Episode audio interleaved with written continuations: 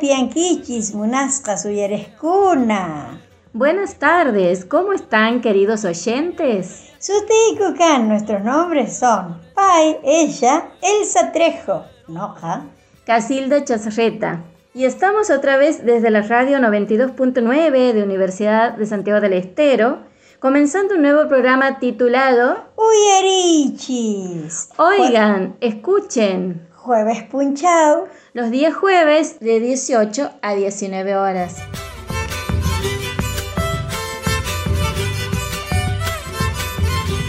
Dejar un rastro en la vida son pretensiones del hombre. Buenas tardes, querida audiencia. Buenas tardes, estimada amiga Casilda. Estamos otra vez en una nueva edición de nuestro programa Uyarichis. Oigan, escuchen por el 92.9 del dial en Radio Universidad Nacional de Santiago del Estero.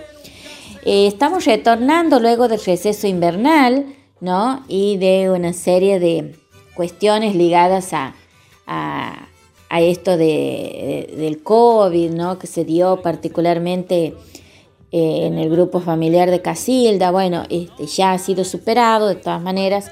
Estamos eh, otra vez junto a la audiencia, ¿no? Y nos alegramos de que esto sea así, ¿no? Este, ya eh, finalizando agosto y con un nuevo comienzo primaveral, nos estamos acercando a, septiembre, el mes de la primavera, del renacer, y ojalá que pronto podamos salir de esta situación de pandemia que está atravesando la humanidad y que sea solo un recuerdo en la historia, ¿no? que podamos superar todos esta situación tan difícil que vivo, vive el mundo, ¿no? Todos, todas y todes.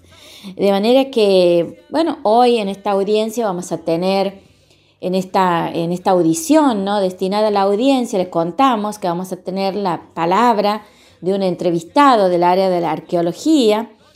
Eh, también, bueno, traemos una fecha sumamente importante para la labor que hacemos, que es el Día Provincial de la Lengua Quichua, determinado por ley de la Cámara de Diputados, ¿no?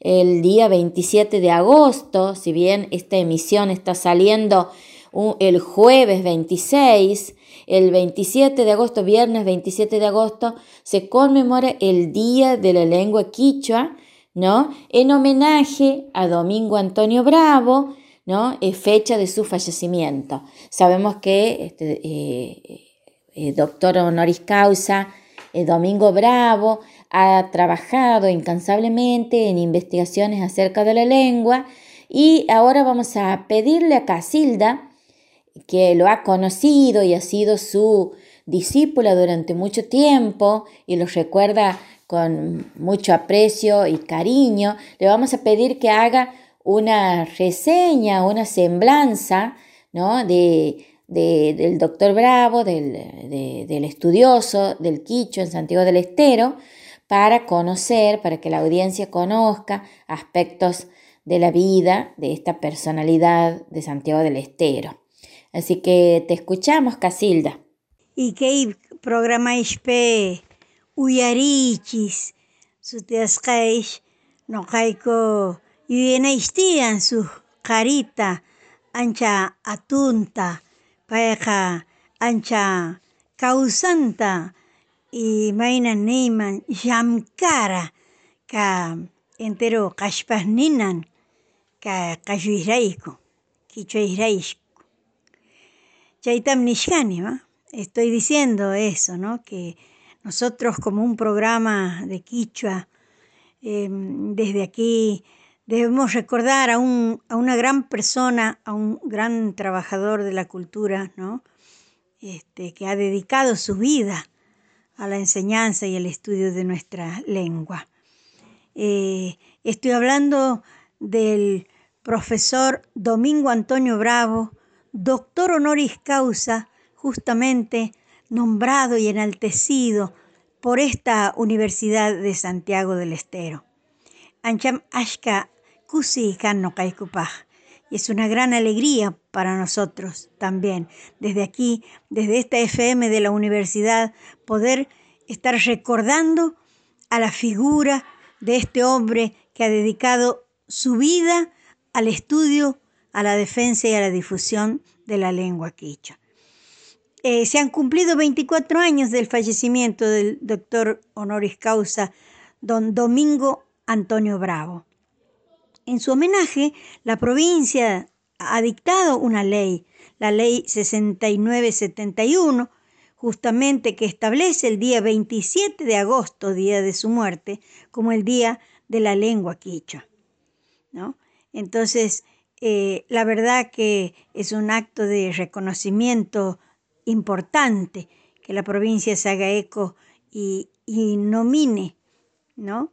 Eh, este día provincial de la, de la lengua quichua en Santiago del Estero, justamente para recordar el nombre de Domingo Antonio Bravo y para seguir valorando su obra.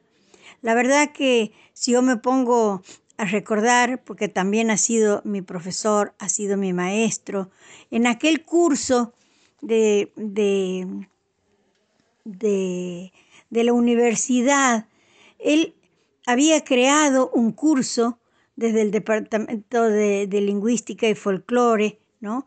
Y, y, entonces este, había establecido un reglamento por el que también se podían crear anexos en distintos puntos del país y de la provincia de este curso central que él dictaba en la universidad.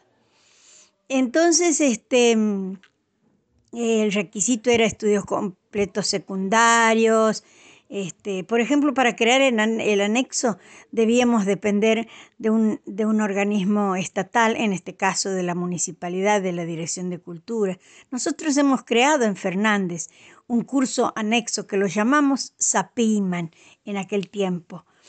Eh, nos tocó estudiar y venir a rendir aquí mis compañeros en, Santiago del Estero en la universidad. Habían muchos maestros que por primera vez y gracias al estudio del quichua pisaban las aulas de, de la Universidad de Santiago del Estero. Yo me acuerdo de esas emociones de mis colegas de Fernández que decían, y el quichua me ha hecho entrar a la universidad a conocer lo que era un aula de la universidad. ¿no? Les estoy hablando de hace 30 años atrás. Este, la verdad que ha sido una tremenda obra la del doctor Domingo Antonio Bravo. Y el recuerdo que tengo de él es de un hombre eh, más bien silencioso, escuchador del que estaba hablándole. Esa voz pausada, eso, eso que parece que, que medía las palabras para hacerlas más acertadas en su discurso, ¿no? Este, la verdad que tengo, tengo el orgullo enorme de decir que ha sido también mi maestro. Eh, alguna vez eh, nominamos una calle de Fernández con el nombre profesor Domingo Antonio Bravo. Así se llama un pasaje de un barrio en Fernández. Y otra alegría que quiero compartir también es cuando nosotros como, como escuela primaria, Centro Experimental Maxime Victoria de Fernández, armábamos en aquel tiempo, hace más de 30 años, una feria escolar del libro. Nos habíamos copiado de la Feria Internacional del Libro, habíamos traído de ahí las experiencias. Y bueno, y armamos una feria escolar del libro, que era una actividad hermosa, hermosa, valiosísima.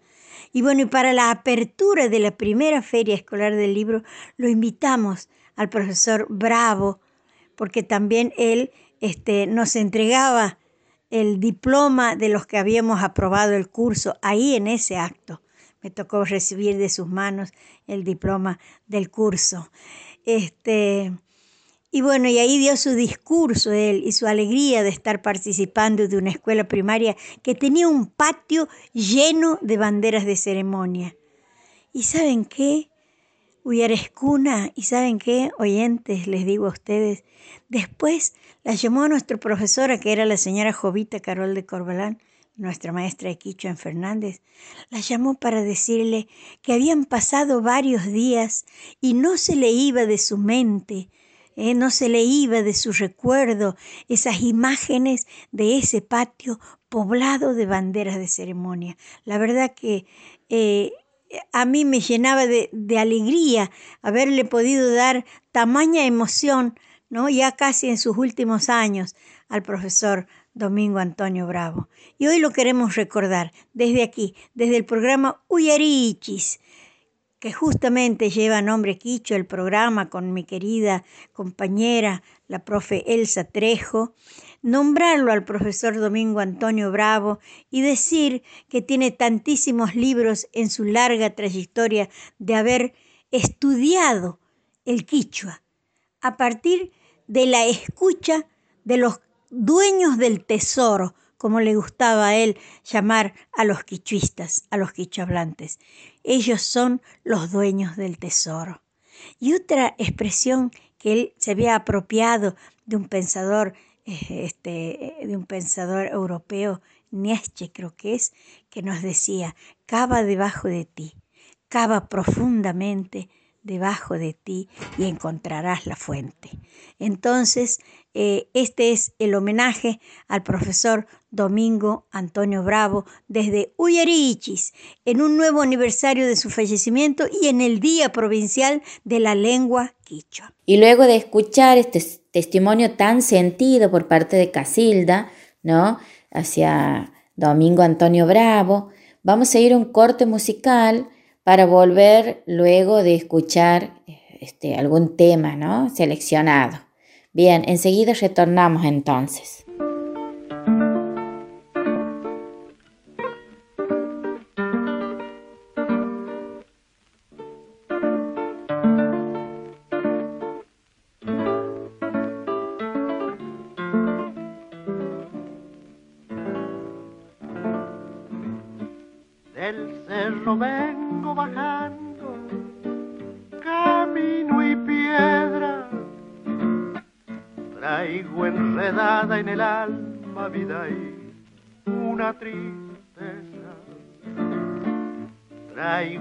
En el alma vida y una tristeza. Me acusa de no quererte, no digas eso. Tal vez no comprendas nunca vida y porque me alejo. Tal vez no comprendas nunca vida y porque me alejo es mi destino, piedra y camino de un sueño lejano y bello, vida soy peregrino de un sueño lejano y bello, vida soy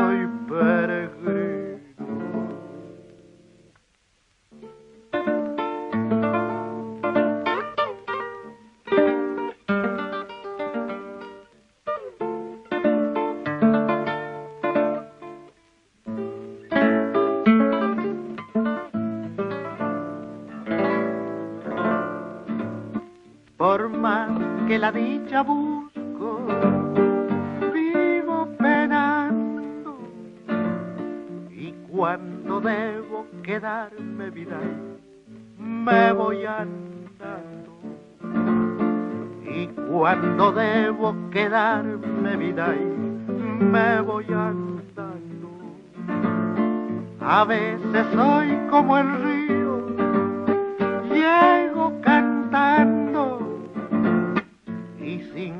nadie lo sepa, vida, me voy llorando. Y sin que nadie lo sepa, vida, me voy llorando. Es mi destino, piedra y camino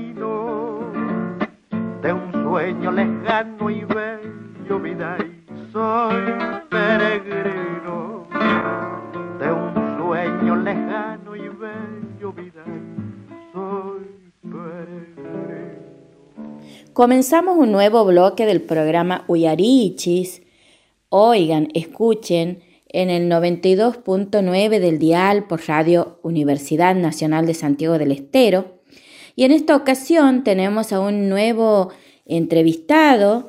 En este caso vamos a indagar acerca de la tarea que realiza el doctor en arqueología Catriel León, que además es investigador del CONICET, docente de la Cátedra de Antropología en la Tecnicatura en EIB con mención en lengua quichua, que se dicta en la Facultad de Humanidades, Ciencias Sociales y de la Salud de UNCE. A él le vamos a pedir que nos cuente acerca de su trabajo de investigación en sitios ubicados en departamentos del sur de la provincia de Santiago del Estero.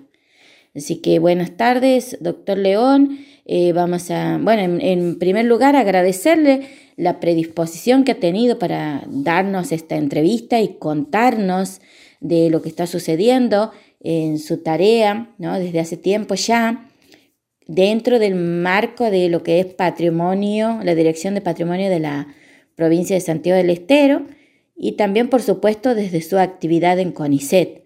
Así que lo vamos a escuchar. En, primer lugar, entonces, que nos relate acerca de esta tarea eh, tan específica que tiene que ver con indagar acerca del pasado, ¿no? de, eh, sobre todo que, es relevante para los pueblos originarios que habitan esta región ya limítrofe con la provincia de Córdoba. Bien, le invitamos entonces a dar su palabra. Bueno, el proyecto que del cual soy responsable se llaman las sociedades prehispánicas del sur de la actual provincia de Santiago del Estero. En realidad ha sido un poco modificado, digamos, porque podemos decir que es un abordaje arqueológico de las poblaciones originarias eh, de larga trayectoria. Eh, y con un abordaje arqueológico me refiero a que, lo hacemos a partir de de los restos arqueológicos, de los restos materiales. En ese sentido, las comunidades con las que trabajamos se han involucrado. Eh, básicamente ahora estamos trabajando con, el municipio y comunidad de, Sumampa y del departamento de Ojo de Agua con las reservas campesinas, eh, o sea, movimientos campesinos. Em, y, bueno, si bien hay ley provincial y ley nacional en relación a la protección del patrimonio arqueológico, y ambas leyes dicen que, ese patrimonio arqueológico es eh, del Estado, eh, a nosotros nos gusta decir más bien que, los patrimonios o el patrimonio es, son de las comunidades. Este, eh, y bueno, venimos trabajando muy, muy bien ya desde el 2017 que, dimos inicio a este proyecto arqueológico, ha costado por ahí que, se sume gente para trabajar, porque digamos, no, no preexiste la carrera ni de antropología ni menos de arqueología. La carrera de arqueología más próxima se encuentra en, Tucumán. Eh, en ese sentido, digamos, este año ha comenzado una becaria de CONICET eh, a trabajar con el equipo eh, santiagueña, Ailén Paladea Rojo, em, que va a ser un abordaje un poco bueno bioarqueológico, es decir, el análisis de los restos humanos y que han sido, digamos, han tenido que ser rescatados o que preexistían al proyecto eh, y un trabajo con las comunidades en relación a, ese tipo de evidencia arqueológica. Eh, justamente porque eh, hoy, hoy en día ya se trabaja de otra manera con este tipo de evidencia, hay que ser más respetuosos con, prácticas mortuorias del pasado y en ese sentido tratamos de hacer cuidadoso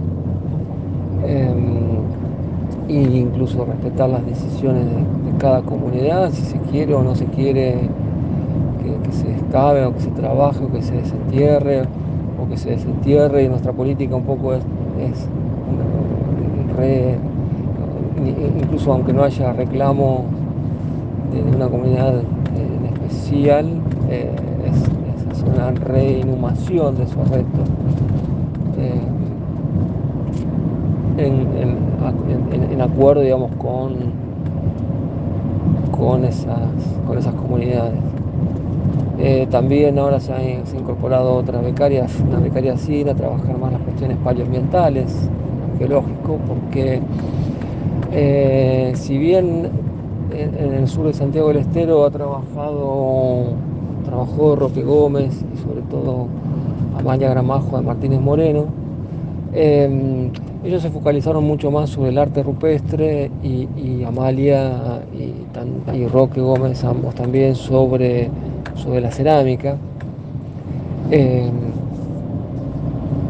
y nosotros nos focalizamos sobre eso también, sobre ese tipo de evidencia, que lo abordan distintos especialistas. Eh, por ejemplo, el arte rupestre, la doctora Natalia Carden, que se especializa en, trabajar con arte rupestre, pero también hacemos, tratamos de eh, hacer un abordaje, por ejemplo, de la subsistencia o cómo las poblaciones del pasado se relacionaban con, con los animales. Y en muchos sitios aparecen, por ejemplo, restos de animales tratados de distintas maneras, eh, algunos con una, funcionalidad eh, utilitaria para la, vinculada a la subsistencia o, a la elaboración de algún instrumento eh, o, algún adorno.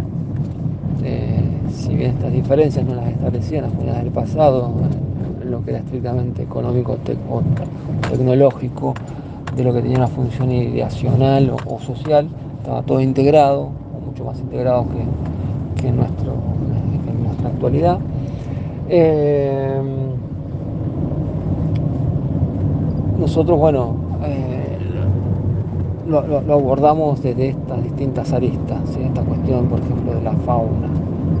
Eh, pero también hacemos una reconstrucción paleoambiental, por ejemplo, para saber cómo era ese ambiente en el pasado, para para evaluar precisamente si, determinadas especies animales o incluso vegetales estaban disponibles en el pasado en, ese, en el lugar donde está el sitio arqueológico o, se tenían que trasladar a distintas distancias o interactuar con otros grupos. Eh, en ese sentido también, por ejemplo, está Juan Cruz Tazo, que es, geólogo, geólogo de Santiago del Estero, santiagueño, eh, él, nos ayuda para comprender un poco, eh, por ejemplo, las rocas que se utilizaban en el pasado, comprender cómo, cómo, se fue depositando el sedimento en los sitios que han quedado enterrados, también para saber las fuentes de las arcillas con las cuales se hacían los cuencos cerámicos. todo eso nos permite también hablar o discutir respecto a la interacción en el pasado entre los distintos grupos.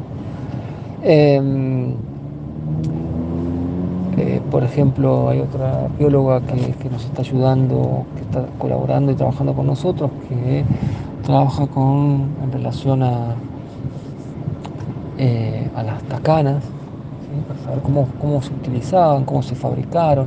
Pero acá, acá sobre todo, digamos, el rol de las comunidades actuales es también fundamental porque la interpretación arqueológica se basa mucho en, en, análogos modernos, es decir, ver cómo funciona un, sistema en la actualidad para tratar de explicar cómo funcionaba ese, un sistema en el pasado. Entonces, las comunidades locales son muy, muy interesantes e importantes y uno podría incluso eh, decir que hay incluso hasta ciertas continuidades en algunos procesos. Eh, pero bueno, eh, en ese sentido se trabaja, por eso también se trabaja de manera colaborativa con, comunidades locales. ¿Qué otros aspectos a futuro respecto a estos trabajos que están llevando a cabo nos puede aportar, profe Catriel? Respecto, digamos, a, qué, futuro le, vemos, bueno, eh, es seguir eh, aportando evidencias, para la interacción de los grupos, la interacción de los grupos que habla de diversidad de culturas y de grupos étnicos, eh, en, las cuales, en las cuales digamos, tampoco había fronteras. ¿no? Los límites este, provinciales, por ejemplo, son, históricos, tienen una raíz de, corta duración. Eh, nosotros eso es lo que queremos también evaluar, digamos que interacción o los grupos incluso consolidados por ahí ocupaban las, las, las sierras. Y eso involucra las sierras, por ejemplo, de, de del norte, de las sierras centrales, y, bueno, involucra por ahí parte del norte de Córdoba con el sur de Santiago. Sería, podría haber sido funcionado como una especie también de unidad cultural o identitaria, eh, pero digamos, eso también varió a lo largo del tiempo y del espacio. Tampoco es que hay una identidad, no se podría hablar de una identidad monolítica santiagueña, en ese sentido también estamos trabajando, sino que de diversidades identitarias en el pasado y que quizá también se están reflejando hoy en día en la actualidad. ¿no? Eh, en ese sentido también es, es que queremos trabajar ya, como decía la pregunta anterior, eh, estas otras líneas de, de evidencia eh, son los que nos van a aportar para comprender la historia, los procesos históricos de las poblaciones pasadas del sur de Santiago del Estero. Eh, por ejemplo, para eso también hay que establecer cronologías eh, y, en ese proceso de, enviar muestras al exterior para conocer las antigüedades de, la las ocupaciones en el sur de Santiago del Estero estamos. Eh, sobre todo teniendo en cuenta que la, que la mayor antigüedad eh, registrada por el momento en la provincia remite al siglo III después de Cristo. Imaginémonos que en el siglo XVI, en la conquista eh, europea, eh, el fechado absoluto que se tiene para Santiago del Estero es del siglo III eh, después de Cristo, pero hay alguna evidencia que no ha podido ser contrastada aún con, un fechado absoluto para saber su antigüedad más cercana a la realidad este, de todas maneras, hay algunas puntas de proyectil que nos estarían indicando eh, 6.000 años antes de Cristo, ya en la ocupación en Santiago del Estero. Eh, sin embargo, hay que ser cauteloso porque así como las comunidades originarias tenían memoria de larga, trayectoria, eh, esas memorias también de larga trayectoria se cristalizaban también en materialidades. Entonces lo que quiero decir con esto es que quizá eh, esas puntas que son diagnósticas, que fueron utilizadas hace 6.000 años antes de Cristo y que luego desaparecen del registro, quizá también eran llevadas por, eh, por, por comunidades mucho más recientes, porque tenían un valor intrínseco, porque eran parte de su memoria. ¿no? Entonces en ese sentido hay que tener cuidado a veces si bien digamos, se fabricaron en esas épocas, quizá se las siguió, siguió utilizando como, como objetos que cristalizaban memorias, ¿no? en el sentido, o para ser más claro, historias. Como, como decir, por ejemplo, alguien en su casa conserva un objeto que era de su padre, o de su madre, o de su abuela, le, lo valora mucho. Bueno, en el pasado también sucedió algo, algo parecido pero incluso pueden remitirse a, momentos mucho más remotos que fueron eh, descartados, se comprende. Bueno, muchas gracias. Ancha suma, diríamos, ¿no? Muy lindo, muy bueno, muy importante, ¿no? Traer la voz de, de gente, de estudiosos, de profesionales, en este caso trabajos sobre arqueología que está, que está realizando, ¿no? El- bueno, y nos está comentando el profe, le dio al profe Catriel, eh, que hemos tenido entonces su visita en Uyarichis, y, y bueno, nos deja, nos deja esto, ¿no? De, de- de poder valorar el trabajo de gente especializada que trabaja buscando, eh, eh, ¿cómo diríamos? Este, mm, descubrir, eh, poner en, en- en el conocimiento de la gente, sobre todo de las propias comunidades, ¿no? Lo que, eh, bueno, lo que, lo que estos eh, elementos del pasado van mostrando, ¿no? A- a- en, en esta actualidad. Así que, profe Catriel, eh, un gusto haberlo tenido en Uyarichis ¿m? y esperamos nuevamente ¿eh? su presencia en otra oportunidad que lo podamos convocar. Así que le decimos Ajit Puri, ¿eh? que ande bien al profe Catriel. Y nos vamos, nos vamos a un corte musical, profe Elsa, ¿qué le parece? En Uyarichis. Enseguida volvemos. Va la primera.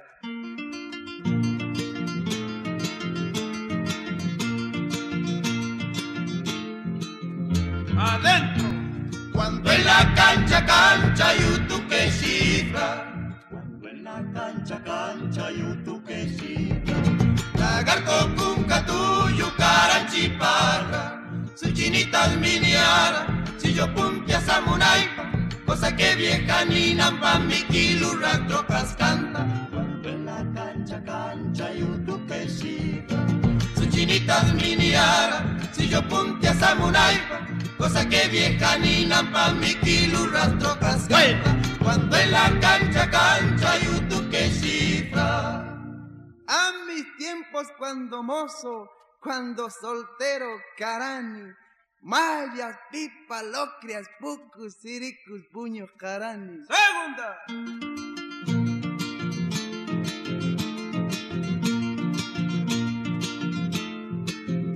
Adentro.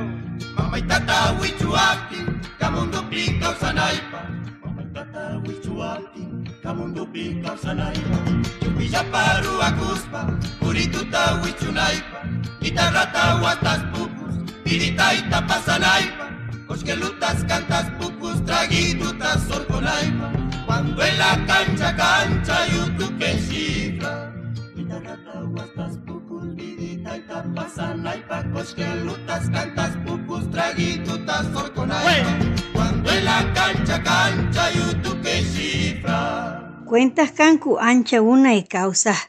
Kasqankunata karas antiguos sachaspi, karupi, ishkaylla, sus waina, sipitas pananan. Ichayka waina kasasqanan, meliasqanan, chayasqanan, taqo mixtolta pashasqanan, chaynallasnami kawsaqkaranku. Nataq payllami yakuta yantata apamuq kasakara y uyuq apisqankunata atendej kasakara. Icha ashka ruanan entero punchawta chisias saykusqa amuptinqa ka pananqa mana simikunanpaq yanusqatapis puq kasakara ni yakuta upyananllapaspaq puñupi churas chiriyachipuq.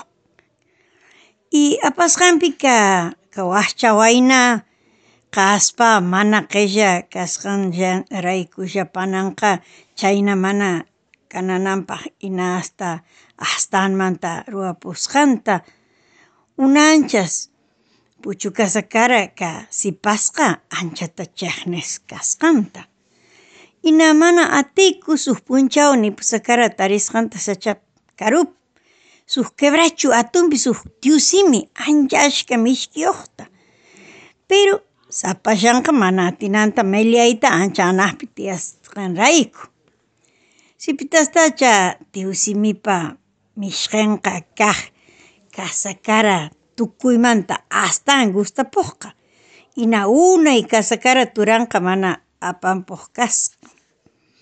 Y chayna llullapus sachaman pusasakara pananta odres tupusta marqachis inakarupris quebracho astana tunta ashas soqaris ñawanqinta lluqachisakara ichaqa anaqpi chayas ramapi tiyachis nipusakara rini nuqa uraykuq odresta apamuq suyay kaypi kapunchuywan pampakuy paqta umayki muyusunanman allpaman qanaptiyki y uraykuspacha ramas lluqasqankunata pitih risakara. Panan mana atinanpaq uraykuyta y chay anaqpi sapallitan wischisakara pananta? Nasipasqa unayta nasuyas qasturan mana amusqanta waqyayta qallarisakara kakuy kakuy turay turay. Qaparispa wamaktaqa y waqaspa chaymantana tutayaptin y chayna tiyaptin apasqanpi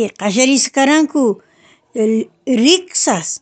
Wiñapuyta y alas lluqsipuyta y na ikakitu boliakuspa lluqsisakara tutan turanta waqy waqaspa waqyaspalla turay turay kakuy kakuy. Icha qaparis nisqananqa ikakitu sutiyachisakaranku. Was utulasha kaptiko mamayku kayta kara panasniykuta nipukaj nipukujkara ashishtituspa chista, mana aika pachu desatende naiki chistian. Pachta paikunapas, kakuipi, bolia chisun boliachisunkichishman Vamos a escuchar la versión en castellano de la leyenda popular del Cacuy, ¿no? en la versión de Mario Cayetano Tevez, que se encuentra en su libro Castaño Manta Yuyaini. Y dice así, suelen contar que hace mucho tiempo vivían en los montes de Santiago, muy lejos y solitos los dos, un muchacho y su hermanita, de lo que el muchacho cazaba y pescaba, de la miel, la algarroba, el mistol y otras cosas que juntaba, vivían ahí. Además, él solito traía el agua y la leña y se ocupaba del ganado que tenían. Pasaba el día entero en esas múltiples tareas y cuando llegaba cansado a casa, dicen que su hermana ni siquiera le había cocinado la comida ni le había puesto el agua de beber a enfriar en la tinaja. Y con el tiempo, viendo que entre más hacía él por ella, más maldades le hacía su hermana, terminó por convencerse de que esa niña lo odiaba. Ya no podía más, y un día le dijo que muy lejos, en el monte, había encontrado un tiusimi con muchísima miel en un quebracho alto, pero que solo no podía recolectar la miel porque estaba muy arriba. La miel de Tiusimi era lo que a la muchachita más le gustaba y ya hacía mucho que su hermano no le traía de esa. Así engañó a su hermana y la llevó al monte haciéndola cargar odres y sacos de cuero. Y cuando ya iban bastante lejos, eligió el quebracho más alto, la alzó y le hizo trepar adelante de él. Cuando ella llegó arriba y se sentó en una rama, él le dijo, yo voy a bajar a buscar los odres, espérame aquí a, Aquí, toma, tapate con mi poncho y cuidado no vayas a marearte por querer mirar hacia abajo. Y mientras bajaba cortaba las ramas por las que, había, por las que habían subido para que su hermana no pudiera bajar más. Ahí en lo alto la dejó solita y abandonada. La muchacha esperó mucho tiempo y cuando vio que su hermano no venía, empezó a gritar, Cacuy, Cacuy, Turay, hermano mío, gritando primero y llorando después cuando ya caía la tarde. Y entonces al rato empezaron a crecerle plumas y a brotarle alas, y ya convertida en pajarito salió volando en la noche, llorando y llamando a su hermano, Cacuy, Cacuy, Turay, hermano mío. Y de ese grito es que viene el nombre del pajarito, el Cacuy.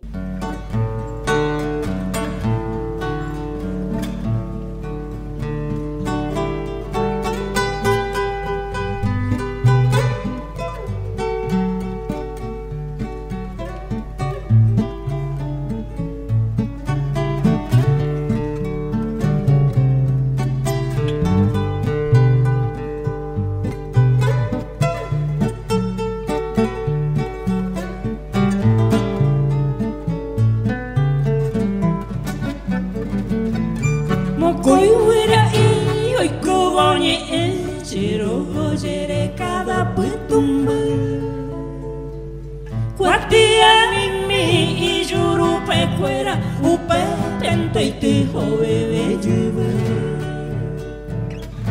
un pencho y cojeta ara y tema au pente hoy que me checo fuera y mi mi oñe e bora baja y bora e y boe fuera. Moco veo huello y pechati ay y juro pescuera la iguatía Chơi hơi từ bề sẽ bố bề trẻ, tôi nhà tôi à lẽ ôm mà éo trời hơi từ bề sẽ bố bề trẻ, tôi nhà tôi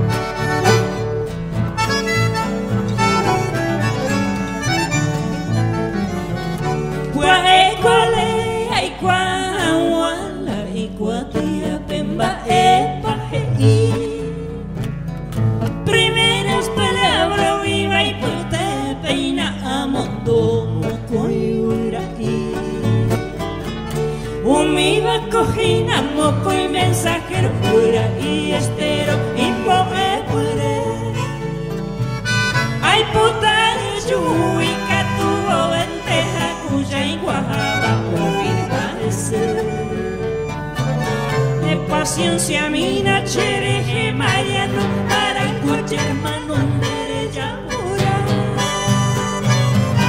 Ko e onda hairo ko amuero Ahamaya juo ya puta hawa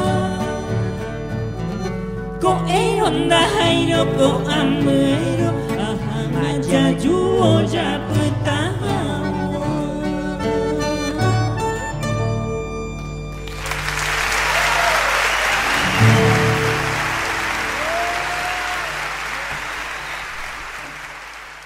Estamos volviendo del corte.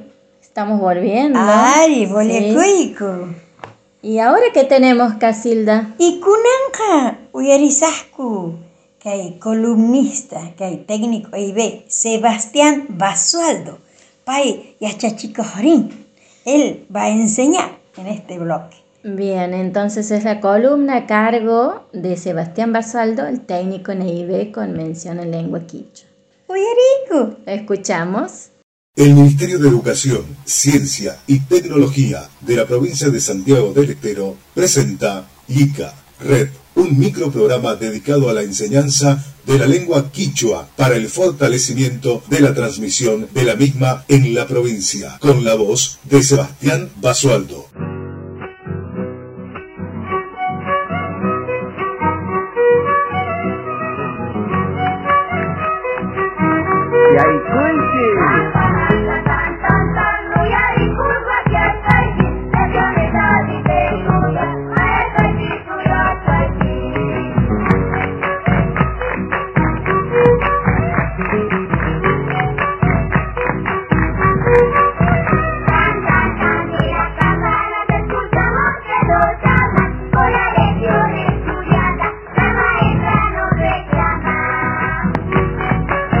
Imayna tiyankichis wawitasni. Kutis tinkunakuchkayku kay radiopi. ¿Cómo están niños? Otra vez nos volvemos a encontrar en esta radio. Muy bien. Como ya es costumbre el saludo, y ya es costumbre también encontrarnos. Estamos nuevamente aquí con un nuevo programa, microprograma de Yika, aprendiendo nociones básicas de Quichua a través de esta red.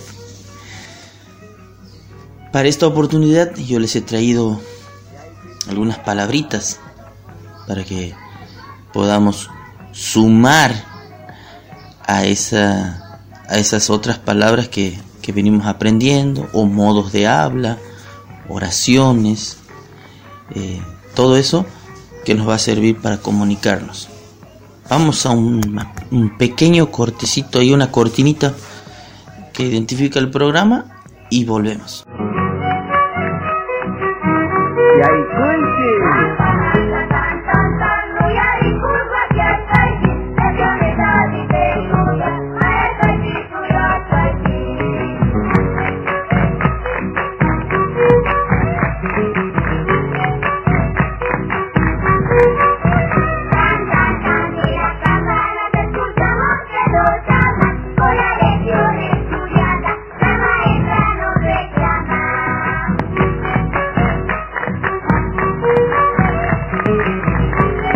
Bolia Kuchkaiku. Bolia Kuchkaiku. Estamos de vuelta, estamos de regreso. Y como siempre les digo, seguramente ya están cerquita de la radio, eh, están esperando el micro. Y, y bueno, vamos a comenzar con palabritas sencillas y que ustedes no se olviden de que con ayuda de un mayor pueden aprender mucho más, con ayuda de un mayor pueden escribir algo en cualquier ladito, aunque sea en, un cartoncito de ahí de, de alguna caja y con eso más que suficiente como para recordar. Así que comenzamos. Les he traído palabras sencillas como por ejemplo yaku, que es yaku, agua. Entonces, ¿cómo decimos en quichua? Agua. Yaku. ¿Cómo decimos fuego en quichua? Fuego en quichua significa, se dice, nina.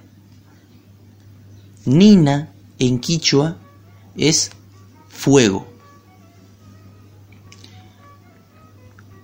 ¿Cómo decimos viento en quichua? Guaira. Guaira. Es decir, que guaira en quichua significa viento. Ahora, si queremos decir lluvia, decimos para, con P, para. Para es lluvia en quichua. Para decir tierra o suelo, decimos ashpa. Ashpa. Es decir, que Ashpa en quichua significa tierra o suelo. Eh, para decir nube, ¿cómo decimos nube? Nube decimos puyu, puyu. Es decir, que puyu significa nube en quichua. Y bueno, quizás esta palabrita la conozcan, que es inti. Inti significa sol. Es decir, que en quichua inti significa sol. Después hay otra palabrita eh, que se refiere a también a a otro astro que alumbra por las noches, que es la luna. ¿Cómo decimos luna en quichua? Decimos quilla, quilla. Quilla en quichua significa luna. ¿Y cómo decimos estrella? Que también es un astro, la estrella, que alumbra de noche, titila de noche. ¿Cómo decimos estrella en quichua? decimos koyur, koyur. Vamos a repetir esta palabrita nuevamente porque es eh, una palabrita que tiene un sonido al principio gutural, un sonido bien allá detrás de la garganta, eh, que sale como así bien, bien, bien tosco. Y entonces decimos koyur, koyur. Koyur significa estrella. Y por último, Rumi. Rumi en quichua significa piedra. Rumi. Rumi. Así suavecito. Rumi es piedra. Y también les traigo otra palabra que a nosotros, aquí para los santiagueños, eh, se nos ha perdido. Los quichuistas son poquitos los que por ahí pueden recordar. Y, por ahí queda en los libros. Y eso quiere decir que antes en Santiago la gente sí conocía la palabra. Pero por el, eh, por el escaso uso que se hace de la palabra, por el poco uso de la misma, se va perdiendo. Y esa palabra es orco. Orco en quichua significa cerro. Orco en quichua significa cerro. Pero para nosotros, para el quichua santiagueño, esa palabra está en, en desuso. Quizás por ahí, por, porque gran parte del suelo de la provincia es este llanura, monte y, eh, y quizás por esa, por esas razones que se pierde. Y para las zonas donde hay serranía, como puede ser en, en, el departamento Guasayán, para el sur también en la, en la zona de Quebrachos, Ojo de Agua, son zonas de serranía, pero eh, no son no son localidades no son pueblos que tengan un alto porcentaje de quichua hablantes. ¿Esto qué quiere decir? Que se habla poco el quichua en esa zona, casi nada, y entonces, por ende, la palabra también se pierde, porque no hay quien la diga. Aparte de eso, nosotros en quichua utilizamos la, la misma palabra, una palabra igual, que es orco también, pero para referirnos a macho. Por ejemplo, eh, este, cuchi orco, chancho macho. Es así, esa palabra, esa expresión, la tenemos, la conservamos. ¿Por qué? Porque la usamos. Las palabras eh, se mantienen en el tiempo, se conservan por el uso que uno les da. Entonces, la idea que yo tengo es que también puedan ustedes aprender una palabrita que está cayendo en desuso o ha caído en desuso pero que también es quicho. Con esto vamos a una pequeña cortina musical y volvemos con el repaso y saludo final.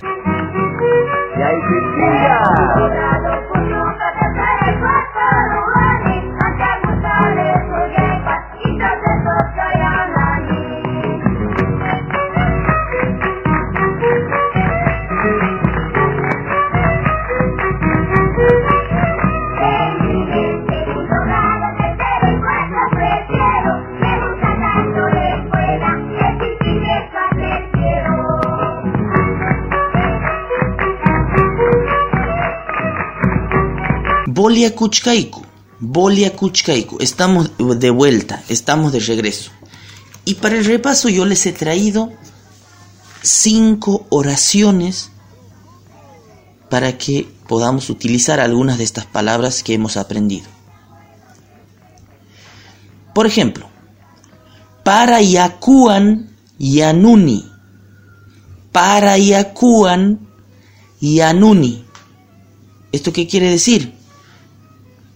Yo cocino con agua de lluvia. Yo cocino con agua de lluvia. Para Yakuan Yanuni.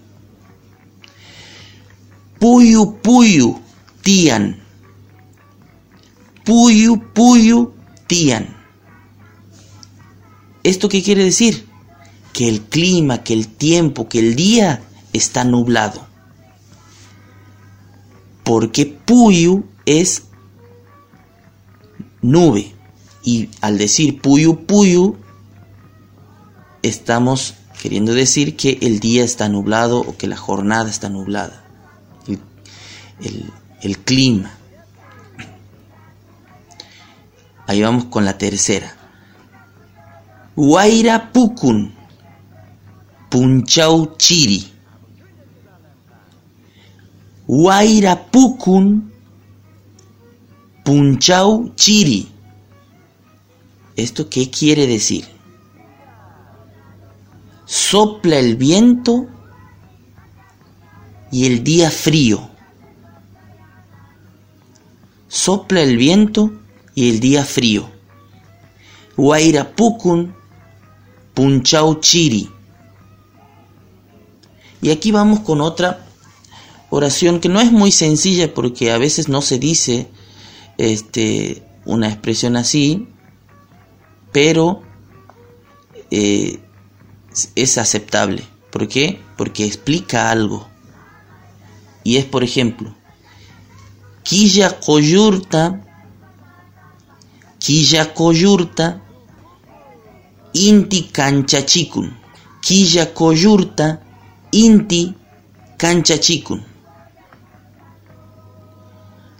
El sol alumbra a la estrella y a la luna. El sol alumbra a la estrella y a la luna. Vamos con la última.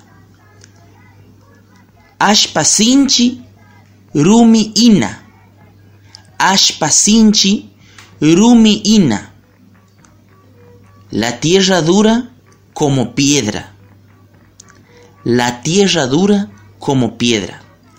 Ashpa sinchi rumi ina. Ashpa tierra, sinchi que es duro, rumi que es piedra. Por último, les traigo un comentario con, lo que, con, la, con la palabra orco que hemos aprendido, que significa cerro. También. Uritu orco Uritu Orco es un cerro en Córdoba que significa cerro del lorito. Orco es cerro y Uritu, ese sí lo deben conocer, es lorito. Y esto nos da la idea, nos corrobora de que la palabra orco como cerro también ha existido. Por eso sobrevive en la toponimia. ¿Qué es la toponimia? Los nombres de lugares que quedan. Debe haber muchísimos que ustedes conocen ahí en sus localidades. Entonces, a eso se refiere. Y con esto nos estamos despidiendo hasta el próximo programa y decimos, como lo decimos en todos los micros, Tinkuna Kuichis Kama Kachu.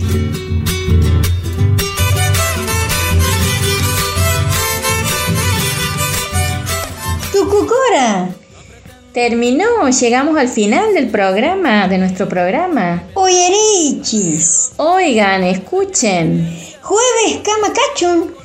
Será hasta el próximo jueves de 18 a 19 horas. Adiós. Ah, ari, ari. La vida es una doctrina, el mundo entero su templo, y encontrarás con el tiempo tu saber bien madurado. Será cuando has pronunciado la frase justa de ejemplo.